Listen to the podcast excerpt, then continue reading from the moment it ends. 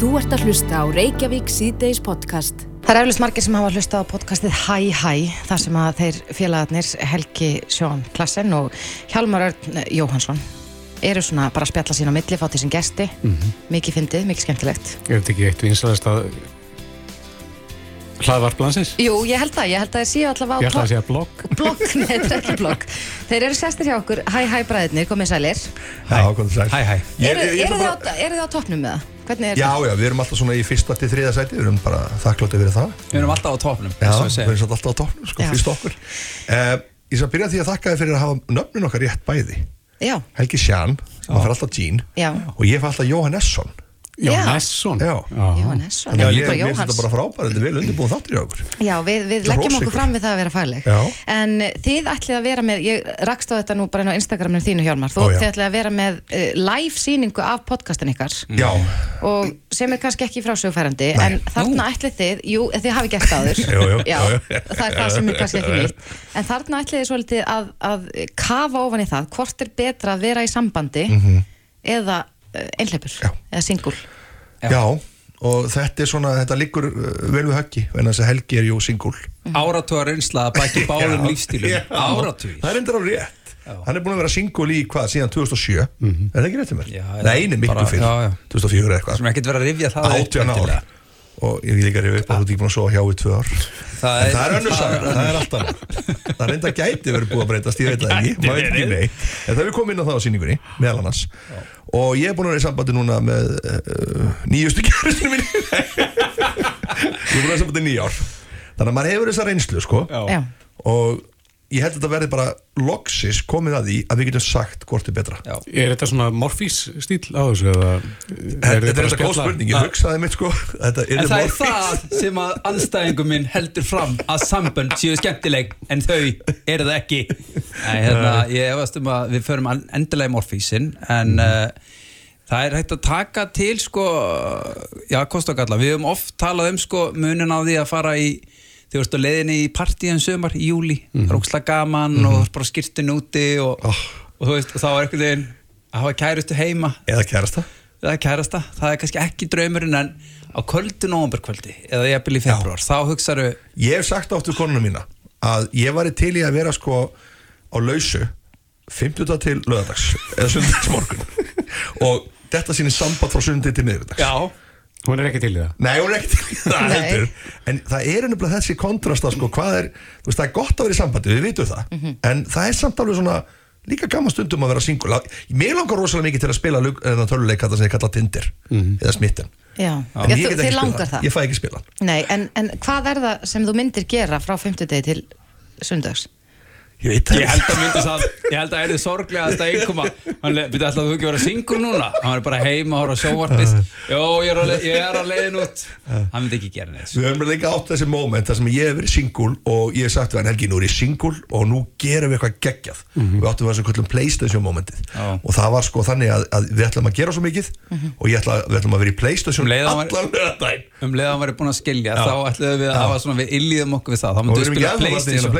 Um að allan hann að að að að. Má aldrei spila þetta Playstation En sko, nú legg ég til að, að við fáum bara rauk fyrir báðu. Ég skal vera fundastjóri Já, og, já, uh, já, já. Helgi, þú byrjar. Hvað er svona frábært við það að vera einhleipur?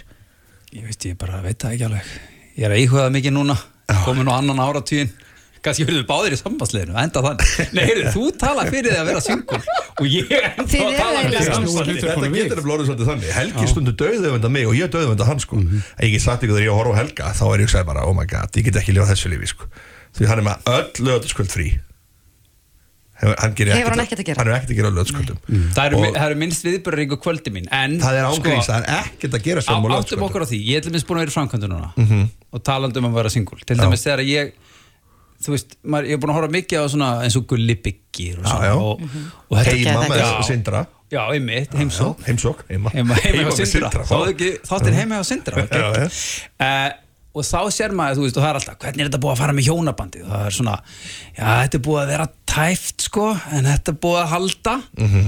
uh, það er ekkert svoleiðis sem mér bara ef ég vil hafa rauðanlitt, þá hef ég rauðanlitt og ef ég vil velja þennan sofa, þá velja þennan sofa Finnst ykkur þetta ég lagi og, alveg, sko. og ég, ég er til dæmis búin að fá sko bara innanhús arkitekta og svona með mér Já, þú veist, bara frábærar hérna, konur sem hafa komið með mér bara í IKEA og að vesla Já. og hver fara að velja Já. En hvernig er á þér, Hjálmar? Uh, kona Færð þú að ráða einhverju? Nei, ég hef, sko, málið er það, það er náttúrulega Ég er búin að átta máði hvernig sambönd virkar líka og ég fer inn á það.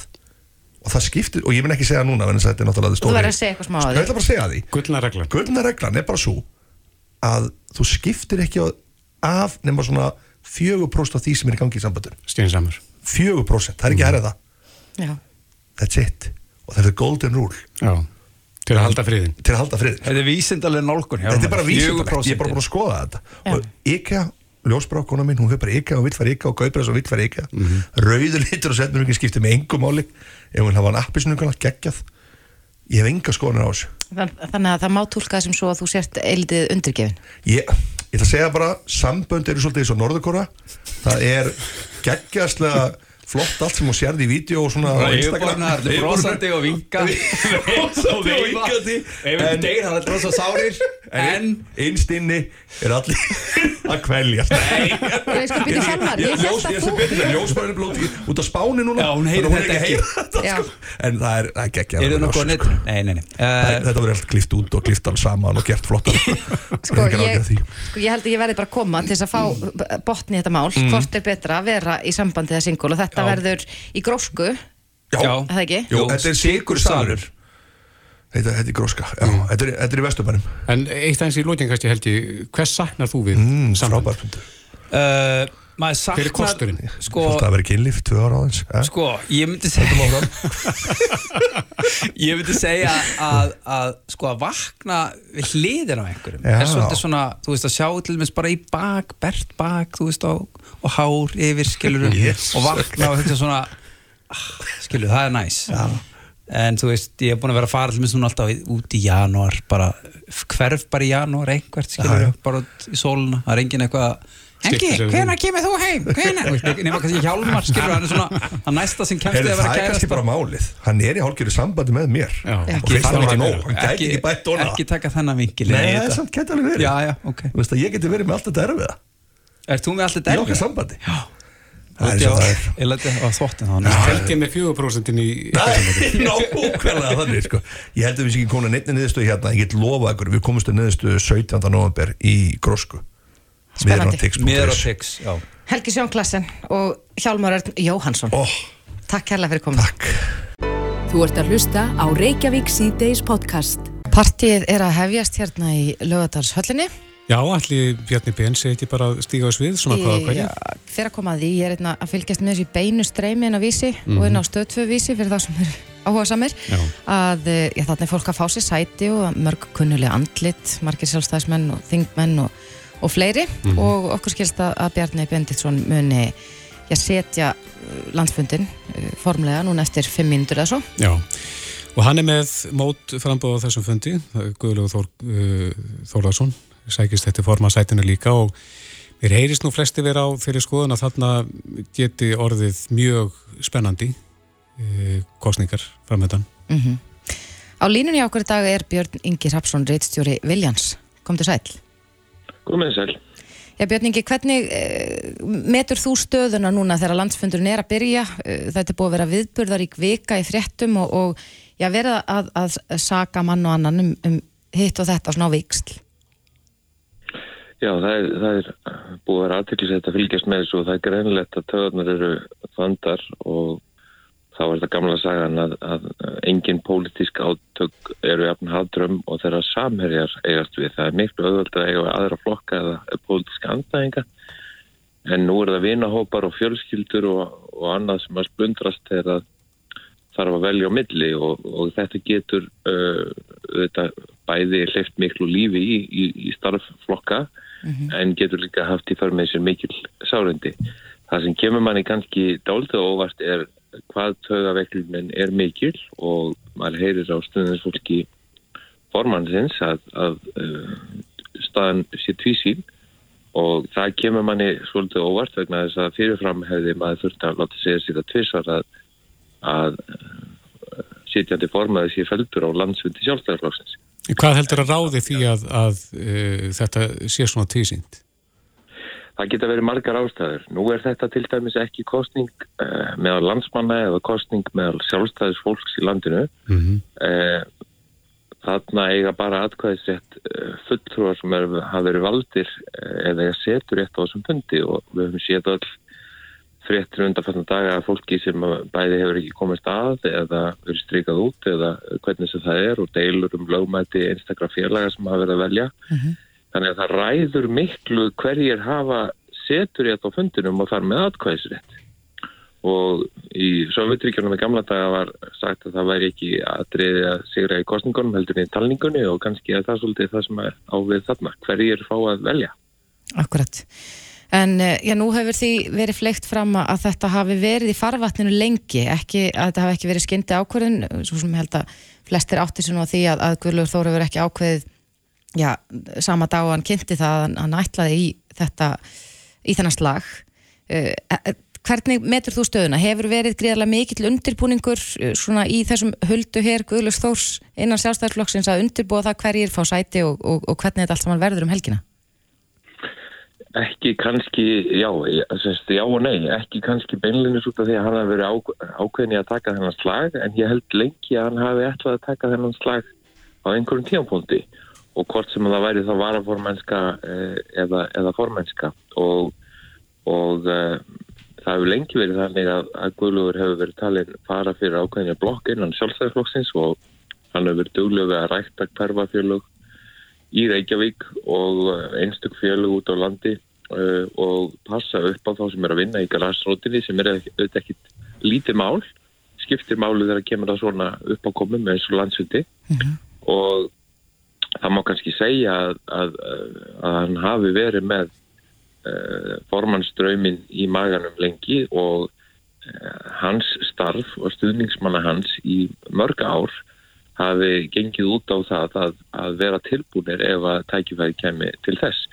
Og svo eru sumir sem segja að, að staðan sé bara einfallega þannig að hann hafi eftir vilt metið það svo að annarkort reyndi hann að ná þessum strætisvagni eða hann væri bara búin að missa af honum. Já, en ámenn að slíðra sverðin eh, eftir þetta kjör? Það fer algjörlega eftir því hvernig þetta tróast allt sem að ná þessum fundi og ég held að fjölmjölar ætti nú bara að vera með þessum flesta fulltrúa á fundinum vegna því ég held með það sem að mér hefur heistu undan fann að daga í samtölum við sjálfstæðismenn að þarna getur dreyið til tíðinda og þarna verði loft uh, læfublandið um, það er stundum sagt að það sé mikilvægt hvernig maður tekur sigri en það sé ennþá mikilvægt hvernig maður tekur ósigri mm -hmm. Og ég held að við þekkjum öll dæmur í íslensku stjórnmálusögu þar sem heilu stjórnmáluflokkarnir hafa orðið til þegar að, að menn hafa tekið ósigri ítla og uh, þannig að það, það er bara heila algjörlega ómögulegt að segja. Ég hef heyrt í fólki sem segir að það get ekki stutt flokk sem að annar frambjöðundur í stýri og svo framvegis. En, en, en sumt að því er þetta sagt í heita leiksins og og við höfum séð fréttir um það að ríkistjóðnarsamstarfið sé í uppnámi og svo framvegs. -hmm. Margt af þessu gæti verið eh, tilfinningaþrungin ræðslu áraður en það verður bara alltaf komið ljóst. Þetta, þetta er mjög aðtilsvært. Svona gerist ekki hverjum degi og uh, átökin í kringum það þegar Gunnar og Geir tókust við á sínum tíma voru gríðarlega hörð og svo feldi Davíð Ótsson þáverandi varaformaður Þorstein Pálsson formann mm -hmm og það hafði mjög eh, miklar afleggingar, það voru mjög mikil persónuleg sárendi þannig að svona gerist ekki oft og, og, og eru mjög sögulega viðbröðir. Mun íðurstaða eh, formastjórsins hafa áhrif á uh, stöður á þeirra í, í stjórninni? Ég held að það sé engin spurning. Á hvaða leið þá?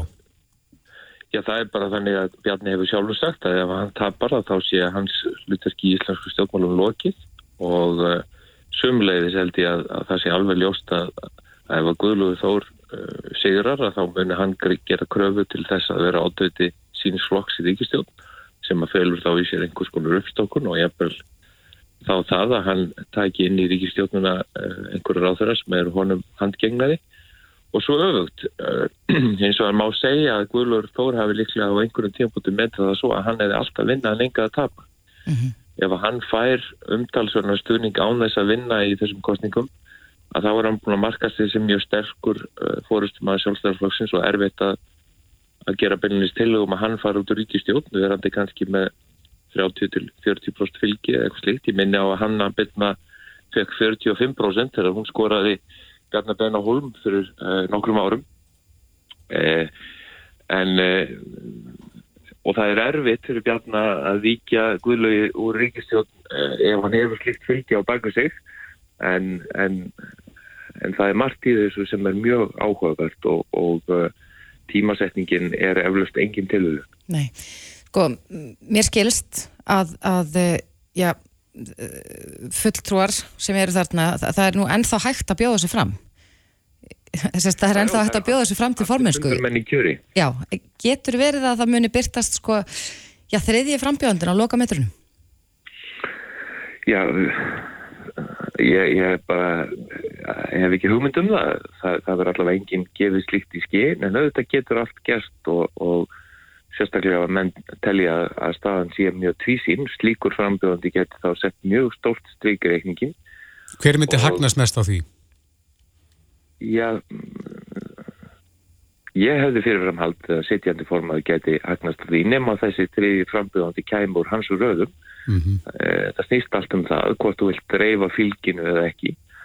Eh, þessir hópar hafa tekist á innan sjálfstæðurflóksins eh, mjög lengi. Þeir hafa tekist á í ungleðarhefingum, í prófkjörum og svo framvegist að það hefur kannski ekki alltaf borið mjög mikið á því. Þetta er langt stærsta mælingin sem nú kemur fram og margir, jafnvel í hópi stundismanna Guðlúk Stórstelja töldu þetta væri djart skref. En mér hefur heilst undan þessum dag að menn telja neyja meiri sénseldur en kannski fyrirfram að geta ráð fyrir. Og það eru stór tíðnd að mínum mati. Ég get ekki séð annað heldur en að stundismenn formansins uh, séu mjög stressaði og leggji gríðarlega áherslu á að allir mæti og taki þátt í kostningunni mm -hmm. og það þetta sínir að það er mikið undir En Björn Ingi, að þínum mati hver er helsti og stærsti munur en á þessum tveimur mönnum? Hvað skilur á milli? Uh, ég myndi segja kannski að, að Bjarni sé svona hefðbundnar í fóristum aðeins sjálfstæðisflokksins hann, hann e, e, hefur mikla reynslu og, og er svona típa sem að kemur mjög vel fyrir uh, og uh, svona típan sem að í kvikmundunum væri fyrirliði íþróttaliðsins hann, hann Bjarni er bara glæsilegur og frambærilegur fullgrúið, Guðlugur Þór er meira það sem á einsku myndi vera að kalla self-made man, hann kemur úr græsrótinni hann er úr borgarnesi, hann hefur þurft að hafa fyrir öllum hlutum í, í, í, í sínu starfi og sínu lífi.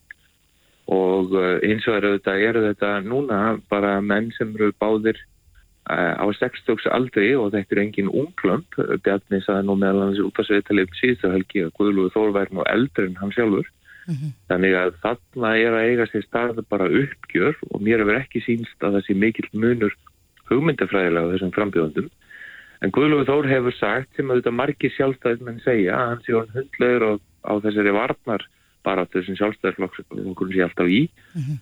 og uh, efurlaust eru margir sjálfstæðismenn hund óeinaði með ríkistjórnarsamstæðu og finnst eins og kannski mörgum stundum svona um vafki að ríkistjórnum sé endalust í einhverju málamilunum og, og uh, enginn fái algjörlega út úr þessu samstæðu sem hann vilji. Nei. En uh, já, stundum þegar við fáum hinga til okkar einhverja spekinga í, í íþróttaleikjum þá spyrjum við að lókum og hvernig fer svo leikurinn? Hvernig heldur þetta fari, Björningi? Fyrirfram eh, auðvitað bara eru líkurnar með sittjandi formanni uh, og það var mikil meðbyrjum með hannubitnu þegar hún skoraði Bjarnar Holm en hann hafði að betum sigur þannig fyrirfram myndi ég að segja að, að, að allt bendi til þess að hann hljóti bara að hafa sterkari stöðu Hins vegar vitum við ekki öll nákvæmlega hvernig háttað er þessum fulltrúum á landsfundurum. Þetta er ekki hefðbundin kostning, við vitum ekki hverjir það er nákvæmlega sem hafa atkvæðisrétt og hvernig styrkleikarnir uh, mælast þar. Uh, ég veit til dæmis ekki gott að það gerist á þessum fundi sem gerist stundum á landsfundum og veldur miklum deilum er að það komi nánast heilur rúturna rétt fyrir kostningum með hólki sem hefur ekki verið á fundinum og kýs. Mm -hmm. uh, allt slíkt getur sett mjög stórt stryk í reikningin og þess vegna held ég að það verði að þetta bara alveg gríðarlega spennandi að fylgjast með þessu. Það er, það er, svo, það, það er í rauninni það eina sem er á reynu Já, það verða mörg augu á lögardalsöllinni á sunnudagin, það er ljóst. Og eins og við sagðum með náðan að rífrest hættin á leiklaborðinu verður uh, sá mest notaði á sunnudaginn Já, já, þegar, menn býða frétta úr, úr hérna kjörinu. já. En Björn Ingi Hrapsson, rittstjóri Viljans, kæra þakki fyrir þessa yfirreið með okkur og góða helgi. Sumulegis, takk hérlega fyrir. Bless, bless. Þetta er Reykjavík síðdeis podcast. En í næstu viku, Já, lífið heldur áfram eftir landsfundin. Í næstu viku er helbriðsting, það verður sett eh, 10. november held ég alveg örgla. En þar eru ymsir fyrirlesar og, og þarna verða að beina spjótum að uh, líðhelsu. Þetta er eitthvað sem að, skiptur okkur öll máli. En við rákumst að það að þarna er fyrirlestur sem ber heitið hvernig fáum við fólk með eðlu heila til að lifa heilbyrðara lífi. hverjir eru með eðlu heila? Ég veit það ekki, ég þarf að koma að staði og þess vegna er hann sestur hjá okkur Guðmundur Arnar Guðmundsson, hagfræðingur og framkvæmdastjóri Markaðs Akademíunar, kom til sæl. Akademias, reyndar, Akademias og Húbla er að vinna þar líka Já, Hérna, en skal eru með rétt. eðluheila. Erum við með eðlu Já? Eru allir með eðlu heila? það bara eru, við? já, við erum nefnilega það sem er svo merkilegt við þetta því að bakgrunnur minn er, hérna, er markasmál og hérna uh, það sem við eigum öll sammeilegt að við erum öll með svipaðan heila. Og ef við erum, við erum alltaf að vera að breyta hefðun að hafa áhrif á Jón einu sem markastöru bylgjunar og þá erum við alltaf að fá fólk til að hlusta bylgjuna frekar heldur en eitthvað annað. Og leiðin til að gera það að hún er mjög svipuð á okkur öll það sem er samilegt með okkur öllum líka við erum ekkert sérstaklega skinsum þegar við erum að taka ákvarðanir og markasfólk svona öllu jöfnu heldur að þegar okkur er kent eitthvað, okkur er sagt eitthvað, það er hættulegt að reykja, við eigum ekki að borða hambúrgara eða fýtum ekki mat og alls konar. Það er ekkert droslega margir sem fara eftir því og, hérna, og flestir fara eftir því mjög sjaldan. Þannig að þó að við vitum að eitthvað er okkur fyrir bestu að þá erum við ekkert endilega að fara eftir því og þar kemur svona eðluheilun inn. Þannig að við tökum ákvarðanir á svolítið skrítinhátt. Getum við aðeins útskýrt þetta hugtak, eðlu heili, hvaðan kemur það? Eðluheil er, kemur raun og veru frá því að bara þegar við vorum byggum í hellum og vorum bara hlaupandi frumskóinum að þá eh, var það svona, þetta er oft kallað bara undir meðutundin, þá voru það bara tilfinningar, við horfðum á eitthvað í skójurum, sáum, það var eitthvað að reyfast, það var engin að býða og reyna að sjá, heyrðu, býta, er þetta með eyru og skott og gæti þetta verið ljón? Nei, býta, ég ætla aðeins að skoða betur, bara um leið og eitthvað hérna gaf til kynna að hlutindir væri á eitt veginn eða eitthvað annan, að þá er bara komin ákvörðin eins og skott. Og til dæmis núna ef ég myndi spyrja ykkur og tökum smá tilhuna á okkur og spyrja ykkur hvað er 2 pluss 2? Fjórir. Hvað er höfuborg Danmörkur? Kaupanöfn. Ef ég hefði sett ykkur í heilaskana að þá hefði öll ljós verið slögt. Heilin hefði ekkert þurft að hafa fyrir þessu. Nei. Þannig að þetta er algjörlega áreistlust, kemur sjálfkrafa. Þetta er eðluheilin. Og hérna, þeir sem er í, ég er til dæmis í megrun, ég er eitthvað alltaf í megrun, en ég er í megrun núna eins og bara hérna, hérna mörg okkar. En þó að ég sé í megrun núna, þá var ég á fundi með viðskiptavinn í hérna Akademias núna bara í síðustu viku. Ég fyrir á salernið og og meðan ég er á salerninu þá kaupir hérna þessi einstaklingur súkulaði köku sem leitaleg guðdóml út en ég var í meirun og var náttúrulega ekkert að fara þessa köku sko var hund full yfir því að hérna, hann hafi keft sagði viðkomandi það og en samt kortir í setna vorum búin. Og ég ætlaði samt ekkert að, að gera það. Og þú fengið þið bita. en það að hérna gleðin að ég að borða kökuna þá er svo mikil í núinu. En gleðin að megrununni tekur svo svakalega langan tíma. Það kemur miklu miklu setna og það þýðir að þetta verður svo erfitt fyrir okkur út af eðluheilunum. En að því að við erum að tala um heilbriðismál og við þurfum að breyta jafnvel hegðun heillar þjóðar í rétta átt er eftir að gera það verðum að velja nokkur uh, á leiðinni að takmarkinu?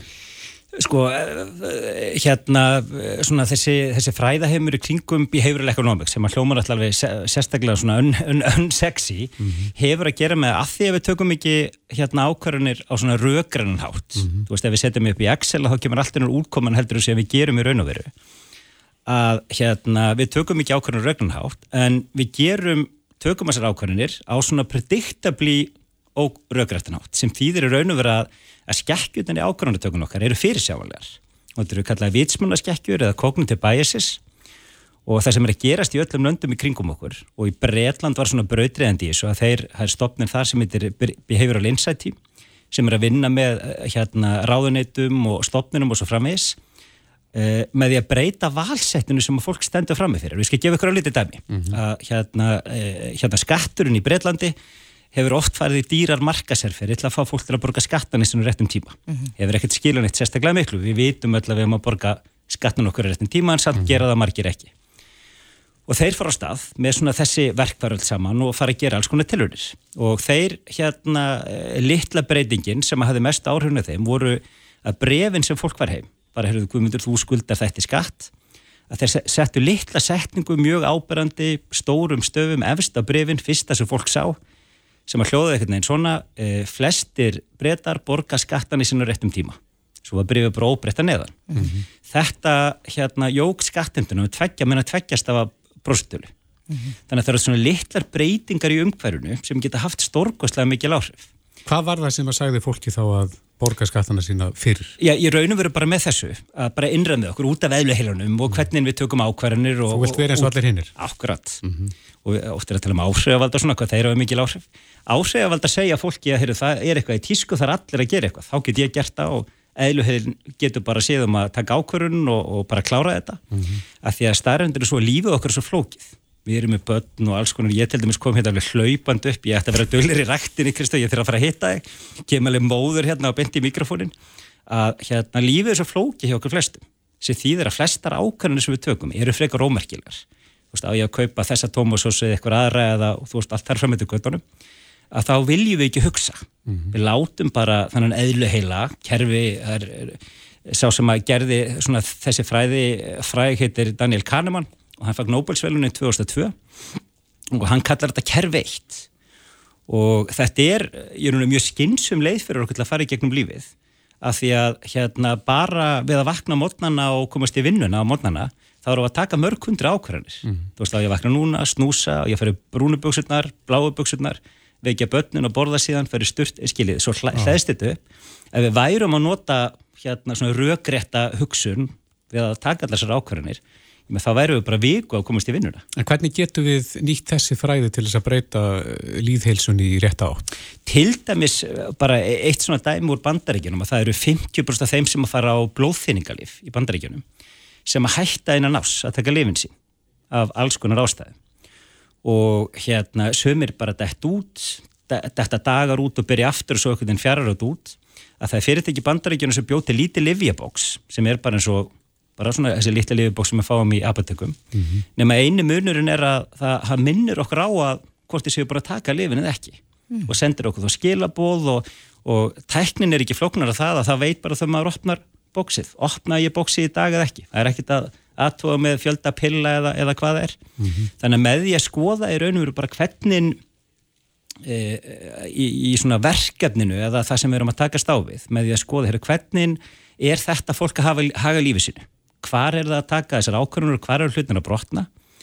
Og svo er hann að fara inn í þær aðstæðurinn við erum svolítið að fara til fólksins og reyna að hafa áhrif á það þar en ekki svona sem er hefbund að vera að láta alltaf koma til okkar. En er eitthvað hægt að gera sko, eins og já, sem er miðlað til stórs hópsa fólki skilur, það er, við erum með bara almenning og, og stjórnvöld vilja stýra líðhelsu í eitthvað ákveðna átt.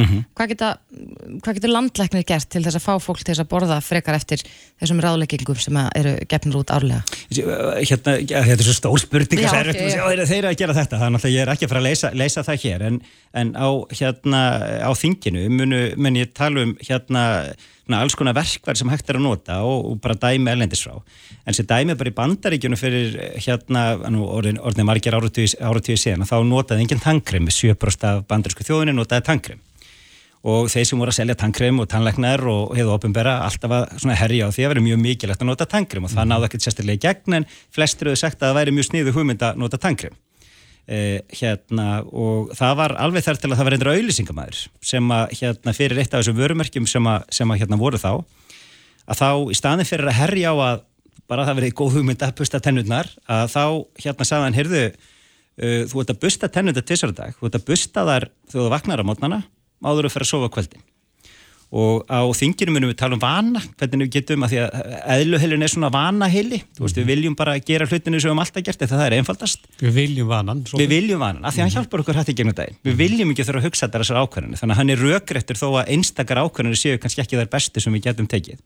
En bara með að tengja þetta við þannig að fólk voru að hugsa að busta tennundar með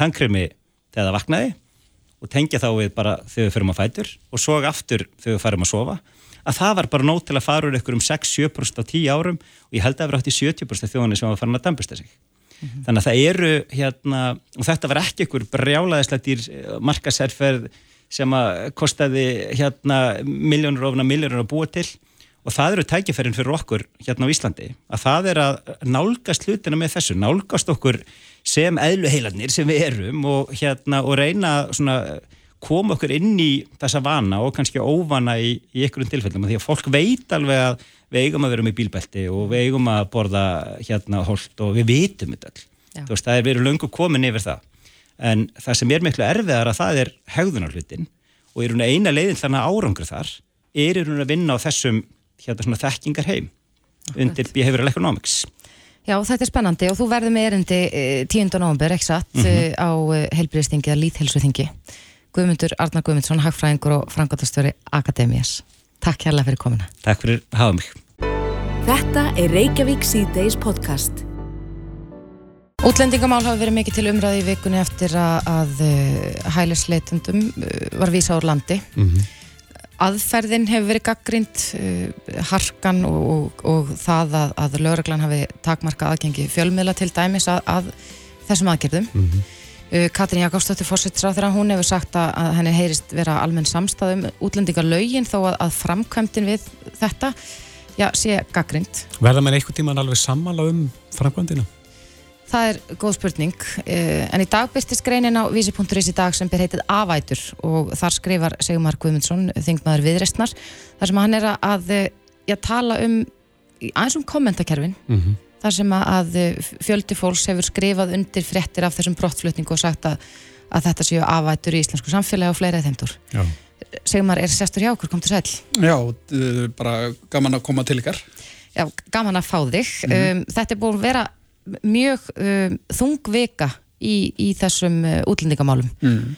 um, við höfum, sáum þetta og, og höfum fylst með fréttum af þessum brottflutningi hver er já, svona ykkar eða þín skoðun á þessu hvernig hefði þetta átt að vera?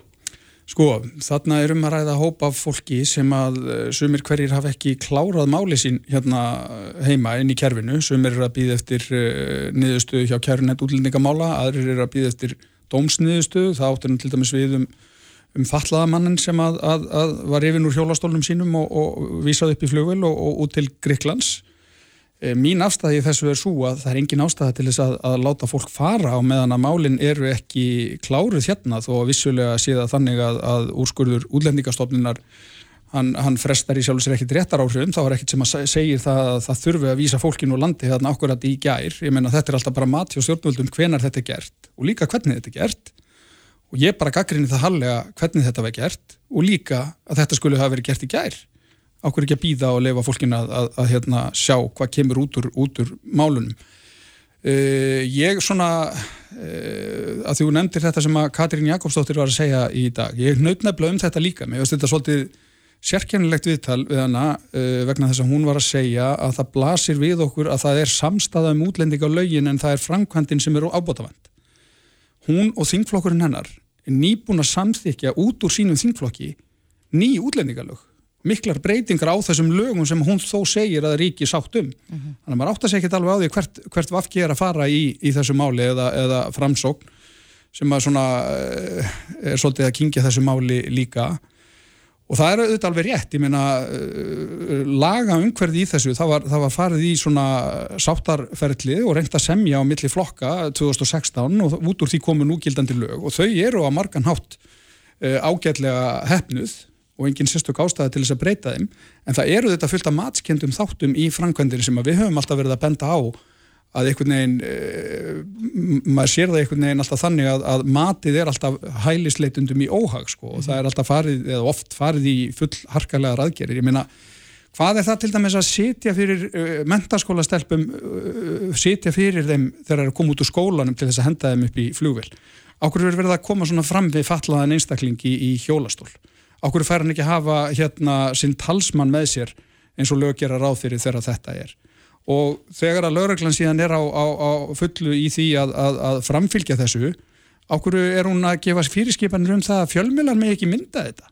Þetta eru allt framkvæmdarætriði sem eru alveg ótrúlega ámælisverð. Mm -hmm. vil þótt að hérna, menn kunni að hafa geta vísað í það að laugin segi það að, að það sé hægt að gera þetta svo eru við líka að hafa eitt í huga að því að við erum að tala um núgildað útlendingalög í 40. annar greininni er ákvæði sem að segir það og það er bara bannar íslensku stjórnvöldum að senda fólk í aðstæður sem að geta verið vannvirðandi eða hættulegar uh, og það ábara hreinlega við um Gríkland. Ég held að það, menn, menn þurfa ekki að vera einhverju sérfræðingar í Google til að komast að því. Hefur það verið sannmynd? Já, ég menna það er fullt af mannúðarsamtökum sem að hafa þetta og það eru náttúrulega til ófáar vettvangsferðir fjölmila til þess að skoða þetta og, og, og hérna mannreitt samtök hafa verið að gaggrina aðbúnaðin og það er ekki út af því að gríkir vilji gera eitthvað illt.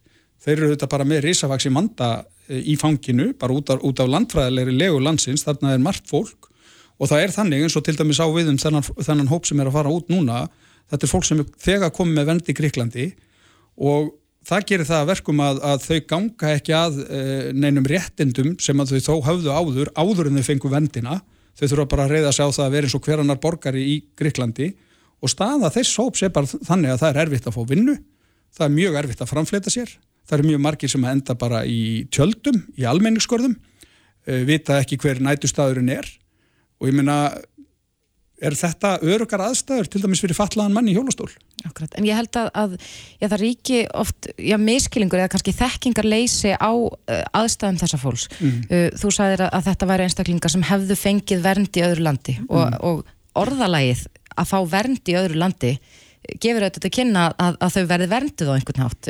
Já. Er staðan ekki þannig að þegar að fólk er búið að fá vernd í Greiklandi að, að það sé eitthvað sem tekur við þeim og, og hvað er það sem fær það fólk til þess að já, taka stíða upp í fljóvel og fljúa til Íslands? Já, það er náttúrulega kannski vegna þess að aðstæður þessi í Greiklandi, einfallega vegna þess að grísk stjórnvöld hafa kannski ekki bólmag til þess að sinna þessu nægilega vel að því að, að, að hérna, fjöldin er svo mikill sem að kemur þarna bara út af, af landafræðinni gerir það verkum að það eru allir bara einhvern veginn uh, svolítið uh, upp á hérna, náð og miskun örlagan að komin sko. Þú, það, það er ekkert þarna úti í Greiklandi núna þegar þetta fólk lendir þar, það er ekkert sem að tekur á mótið þeim þar þeim er ekkert útvegað húsnæði eða húsaskjól eða uh, látin fá einhvern auður á meðan þau eru að koma sér fyrir eitthvað. Mm. Þau þurfa bara að treysta á Guð og lukkuna. Þau eru, bara, þau, þau eru með þau réttindi sem að gríski ríkisborgarar hafa. Mm -hmm. Veruleikin hins vegar er sá að það er erfitt fyrir þetta fólk að fá innu. Það er erfitt fyrir þau að komast inn í samfélagið. Og það er nú þess vegna sem að ég hef alltaf verið að segja að, að það þarf að hugsa þessi hælisleita mál upp á nýtt vegna sem við getum ekki einfallega ítt alltaf bara öllum vandanum yfir á, hérna, önnur lönd sem eru bara sko, einhvern veginn útverðir Evrópu, Ítalija og hérna Gríkland, svona dæmi sér tekið mm -hmm. og eru að fá fólkið á bátskænum yfir miðrahæði. Hvað heldur að valdi því að þetta fólk velji í rauninni lengsta ferðalagi til Íslands þegar það getur farið í stittri ferðalag og farið til Þýskalands eða Ég þekki, það, ég, þekki, ég þekki það ekki. Það er auðvitað þannig að það er fullt af, af fólki sem að fer til Danmörkur og það er fullt af fólki sem að fer til Noregs og fullt af fólki sem að fer til Þýskalands og allt þetta sko. Umræðin hérna ennú stundum þannig eins og, eins og það sé allir að sækja hingað sko. Dómsmálar á þeirra hefur sagt að, að kerfið okkar sé eins og segull. Já, það er bara ekki rétt. Ef að það væri að þá væri talsvert meiri að koma, fleiri að koma hérna heldur en, heldur en uh, eru að koma skoðiði bara tölunar inn á vef útlendingastofnunar. Þetta er ekkit óskaplegur fjöldi fyrir utan Úkrænu og Venezuela og við vitum öll okkur Úkrænu fólki fara að koma. Við vitum það líka að þeir sem koma frá Venezuela, það er bara búið að úrskura það af kærunend útlendingamála að það sé hættulegt að senda það fólk til Venezuela þannig að við þurfum þá að taka þann hóp út fyrir svega mm -hmm. og síðan eru þetta bara fólk frá Írak og Palestínu og Afganistan og allir þessum löndum þaðan sem margir flótamenn koma en það fólk frá þeim löndum er miklu fjölmennara í Þískalandi eða í hérna, Noregi eða í, í Danmörku og menn er alltaf að miða við eitthvað hlutfallstölur. Ég minna, hvernig getur við haft hlutfallstölunar eitthvað sem eitthvað viðmið? Mm -hmm. finnst einhver, einhver lógik í því að þegar við erum að horfa á, á hérna, fjölbreytt mengi hælisleitend og flóttamanna að þeir hljóti nú að raða sér í, í einhverju hlutfallstölu inn á ríki Evrópu, auðvitað ekki, það er alls konar tilviljanir sem að hérna, uh, leiða, leiðir fólkið áfram. Þa, það, þetta er ekki þannig að það sé, sé allir, allir hérna, fastir í einhvern segli íslenska náðarkerfisinn sko. og svo er það aðstæðar þessa fólk sem það er hér, það er ekkert eitthvað sérstakar þetta er ekki háar fjárhæðir sem þetta fólk fær mm -hmm. En ég held að séu flesti samanlega að það þurfa að vera eitthvað rammi Já Hvernig væri hægt að koma hlutunum þannig fyrir að sem flesti geti svona sætt sig á Eitt, Ramman. Já, e, eitt sem við þurfum að gera, sem að er, er það það sem ég legg inn í þessa umræðu, er að við verðum að hætta að tala um þetta fólk, hælisleitendur og flóttafólk, sem eitthvað bakka á samfélaginu, sem endalösan kostnað. Það eina sem gerist er það að það kemur hérna fólkin uh, og það vil byrja að vinna og það vil fara að hérna, sjá fyrir fjölskyldun sín, fara í nám eða hérna, koma sér bara fyrir í lífinu. Við erum með alls konar girðingar sem hindra fyrir þetta. Mjög erfitt er þetta fólk að, að, að vinna þegar það kemur hinga til landsins. Það það, það, er, það, eru uh, svona all, alls konar skilir sem að gera það mjög erfitt mm. fyrir uh, að, að það geti gert það. Mm. Uh, og við erum hér á sama tíma að, horfa á það að, að það vantar fólki öll möguleg störfi hérna á Íslandi. Akkur eru við að líta endil á þetta og búa til eitthvað drosalt kerfi til þess að halda þessu frá samfélaginu, þessu fólki sem vill bara vera partur af samfélaginu. Það ætti að vera nálgunin okkar. Nálgunin okkar ætti að vera það að það felast verðmæti í því að fá hælisleitur hérna, hérna inn á vinnumarkaðin alveg eins og það felast verðmæti í því að fá fólk frá sömu löndum sem eru sérfræðingar og við viljum fá hérna inn til þess að, að vinna. Mm -hmm. Við hefum auðvitað auðvelda fólki að koma hérna inn utan, utan hérna, euróska efnasvæðisins og minna, akkur skildum við ekki bara að lefa þessu fólki að koma sér hérna, hérna fyrir? Það þarf að uppfylla ákveðin skilirði um það að vera hérna, flóta fólk til þess. Og það er allt saman skilgrind í hérna, hérna lögum. Og við þurfum bara að breyta þanganganginum uh, í þá veru að, að uh, líta svo á að þetta fólk er gagn en sé ekki byrði mm -hmm. eða afætur eins og þú vitnaði nú í pistili minn. Menn ákveð ætti fólk á Íslandi ekki að vera að kalla þetta fólk afætur sumir hverjir þegar stjórnmöld uh, koma svona fram, gagvart hópnum, ég minna stjórnmöld er að gefa upp boltan, þau eru að gefa tónin stjórnmöld er að segja að það er eitthvað fólk að koma hérna sem er ekki velkomið ég meina, auðvitað tekur hjörðin í, í kommentarkjörfunum við sér og, og, og, og leggur út af því.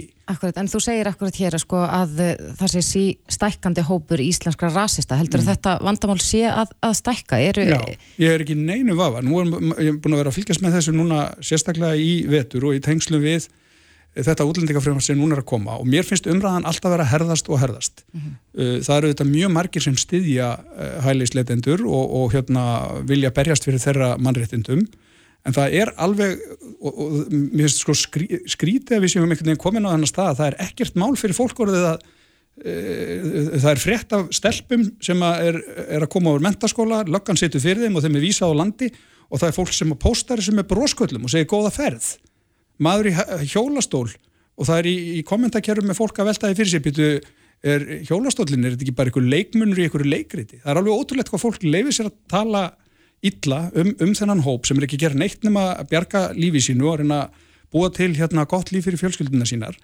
og mér finnst þetta bara því miður alltaf verið að vaksa. Polarisenningin í kringum þetta er að vaksa hérna á Íslandi alveg eins og hefur gerst í löndunum í kringum okkur. Það er bara mjög miður. Akkurat, en eitt af því sem að fer, kemur oft inn í þessu umröðu er að einstaklingar sem að, já, kannski einblina á upphæðirnar.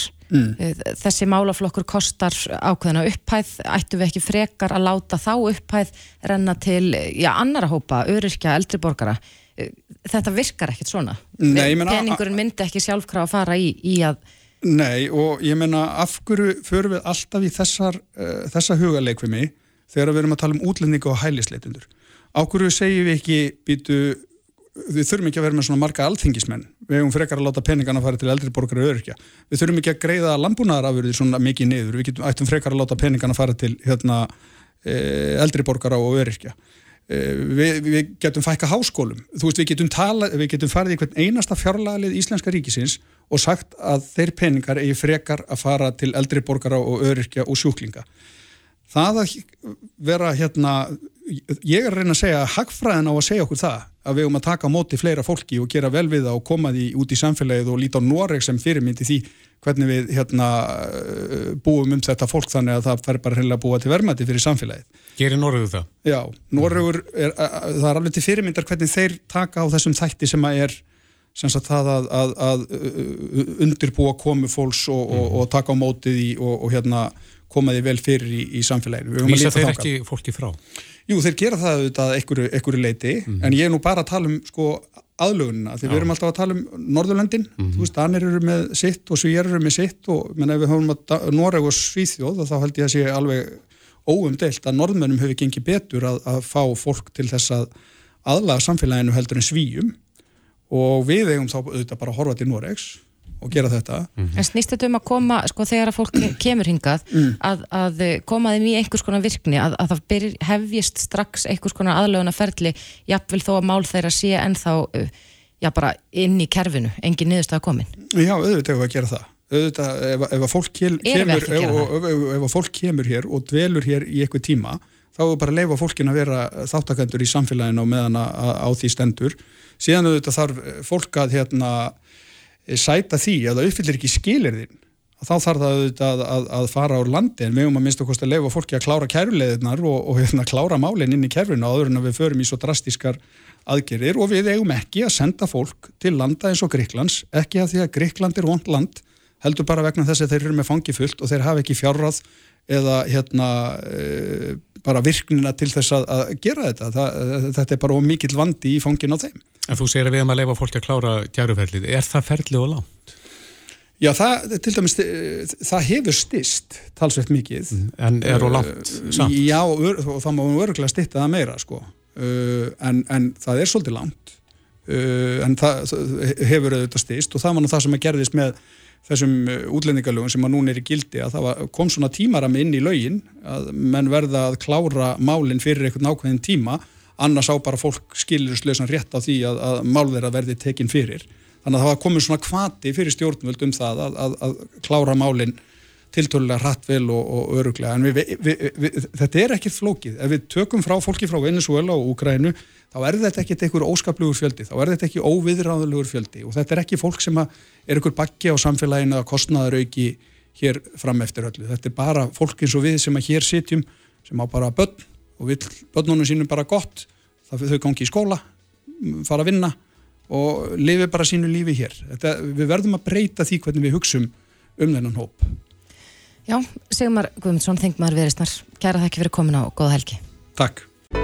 Reykjavík síðdeis á Bilginni podcast. Það er svolítið vand lifað í þessum heimi. Já, það er það svo sannlega. Það sem að maður taldi vera holdt og gott er kannski óholdt á morgun. Já, ég held að maður sé líka oft, oft svolítið svona, uh, já, græn, eða maður það þannig, að uh, áttar sig ekki á því hvar hættur geta leinst. Já. Nú er búið að fjalla svolítið mikið í fréttum undarfarna daga um fatakeðjuna uh, sem er kýmversk, sem heitir Shein, Mm held ég alveg örugla, ég veit ekki hvernig maður ber þetta fram. En þar er búið að tala um lélegar, framlegslu aðferðir Mhm. og eitur efni í vörunum. Já og þetta er, er svolítið skuggalegt að, að lesa þetta og, heyra af þessu vegna þess að maður er svona svolítið varnarlaus skakvart svona. Mhm. Kaupir kannski fatnað en uh, svo er, er einhver efni úr þessum fatnað að síast inn í gegnum húðina á meðan þú gengur í þeim. Akkurat. Og er eitthvað leið fyrir manna að sko bera kennsla á slíkt? Já, einmitt, og er einhver ofinbært apparat sem að á að passa og vernda okkur kakvart svona. Á línunni er eh, Bergdís Björk Bæringstóttir sem er sérfræðingur í teimi efnamála hjá Ungverjarstofnun. Komdu sæl. Sæl og bless, verið þið. Eh, hvað segir er, er ykkar stofnun á hún að vera svona varnargyrðingin á milli þessara efna og síðan neytenda? Uh, jú, mikið rétt. Það er sem sagt, umhverfstofnun sér um sem sagt uh, efna löggjöfun eða eftirlit með efnum í svona ymsum varningi. Mm En eins og þetta þá er það svolítið erfitt fyrir okkur af því að þetta eru akkurat vörur sem að er til sölu á netinu og er að fara beint til neytandans. Þú klikka kannski á einhverjar vörur og erst bara að fara að fá þessu sendingu kannski beint að dýrónum. -hmm. og ég get ekki mælt heim til þín og sagt hei, má ég áður þú byrjar að nota þetta má ég hérna aðeins hérna efnagreinin það fyrir þig Já, en hvernig komast menn þá að því að þessi efni er að finna í þessum fatnaði?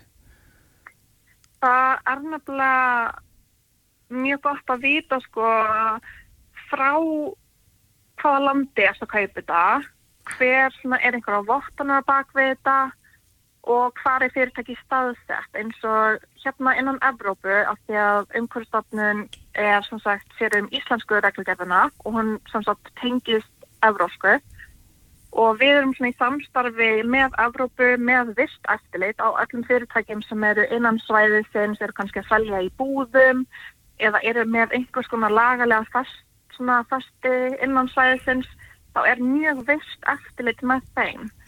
Og það er ekki eins mikið eftirlit. Við eigum erfiðara að eldast við það sem að kemur beint til neytans, beint til okkur, til veist, við sem erum kannski að kaupa á netinu og efnalögjum okkar er mun strángari heldur en efnalögjum utan svæðisins eins og Kína, Indland, Bangladesh, þessi stóru aðilar sem eru í mikilli framleiðslu og alls konar dótið. Mhm.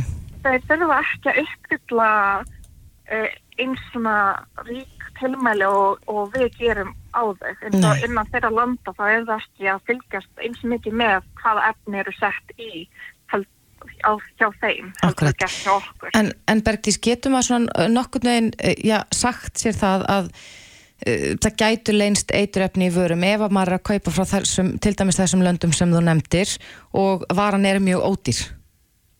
Já, ég myndi segja það. Ég myndi allavega að vera mjög varkár af því að ef þú sérð að einhver flík sem bara rosalega ódýr, bara þú veist að sjá þú veist á einhverjum svona vefstíðum bara einhverjar 0,5 í, þú veist, evróskil dollarar, það er einhvað sem er hann á baki, þá er oft verið að nota mjög ódýr efni og það sem að hefur verið að koma í ljós með rannsóknum að ódýrari efnin sem eru notuð er að reynast okkur aðeins skadlegri heldur en aðeins dýrarefnin. Hvaða efni eru þetta og hvaða áhrif, áhrif hafa þau á líkamann? Um, eins og núna er búið að vera mikið um, í umfjölluninni þá fundist efni sem sagt í þessum síen vörum um, og það voru til dæmis blí, falöt og pjefasafni. Mm -hmm. Þegar hugsi kannski með einhver, ha, blí, býtu var blí ekki bara einhvað í bensinni fyrir mörgum árum síðan. og það akkurat bara er ekkert það margir sem vita af því að blí er sem sagt nota til að lita textilin. Það sem sagt hjálpar þráðanum í flíkunum að, að halda í og lita, litast. Það er hann lit sem við viljum. En það er rosalega ódýr framleiðslu aðferð.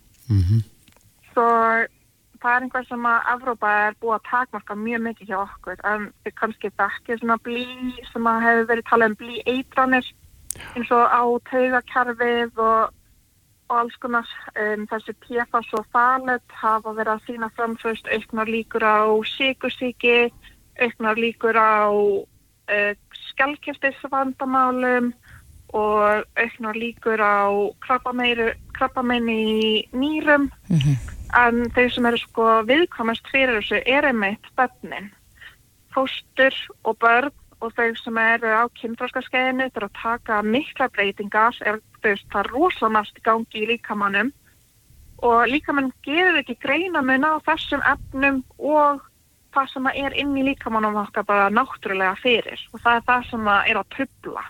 Akkurat. Þannig að þú mælir allavega ekki með því að, að kaupa, já, til dæmis barnaföld af þessari verslunarkeði. Uh, ég myndi, ég persónulega myndi ekki, ég myndi hafa smá auðu á, er einhvað, er einhver vottanir eða einhvað sem að standur hann að baki. Ég myndi allavega, ef ég myndi kaupa þetta þá myndi ég þvó þetta ansi oft. Já, það er eiginlega næsta spurningi sko, er hægt að þvó eiturefnin úr? Ef maður bara setur á, á 90 gráður í þvóttavélinni, virkar það til þess að, að þau síist í burtu? Sko, maður fór kannski ekki endilega 90. það, það dugar alveg 40 dóttirinn, hann er mjög fýtt. Um, en það, skólast ansi mikið eins og veist, eh, í framleiðslu þá þurfum við að lita, við þurfum að veist, búa til fræðina, setja á saman, lita þetta, láta þetta verði í kruppið og það er alls konar efni sem að þú veist, eru bara á flíkinni sem að læðast með bara frá framleiðslunni. En þau, þau stöður búin að taka það úr pakningunni, það gufar mikið af þessu upp og ef þú það verða þá er það búið að taka bara mjög mikið. Nægir eitt þvottur. Já, ég myndi segja það að það er alltaf góð þumulpötsregla. Hvaða föt sem að þið kaupið eða hvaða hlutur sem þið kaupið að þrýfan eða viðran áður með tekin í nótkun. Allavega skella peysunni veitum stundum standst freystingin, mann er langar rosalega í að fara í nýju fínu peysuna sína Mhm. en það er best hendin í dótt og fara í hana þegar hún er og fín. Akkurat. Já, það er gott að hafa varana á gagvart þessu, en, en þú nefndir lönd eins og já, Kína, Indland, Bangladesh og fleiri, en mælir kannski frekar með því að maður verslir af, af Evrópuríkjum. Já, Evrópuríkjum og þú veist, þegar við getum að skoða veist eins og umhverfismarki mm. og Ecotex og Svanin og Gotts svona, maður veit að þeir eru búin að standa sér mjög vel og þeir sem sagt vinna vinnuna fyrir mann þá þarf maður ekki að hugsa, þá getur maður bara keift vöruna og verið örugur um að einhverju búin að hugsa þetta fyrir mann búin að taka allt í gegn og með þess að ganga lengra enn reglurnar af því að til að koma efnum inn í regluverki tekur nokkur árstundum mm -hmm. en þessi merki taka þau strax úr umferð. Já, Bergdís Björk Bæringsdóttir, sérfræðingur í teimi efnamála hjá umhverjastofnun. Kæra þakki fyrir þetta og góða held. Hlustaðu hvena sem er á Reykjavík C-Days podcast.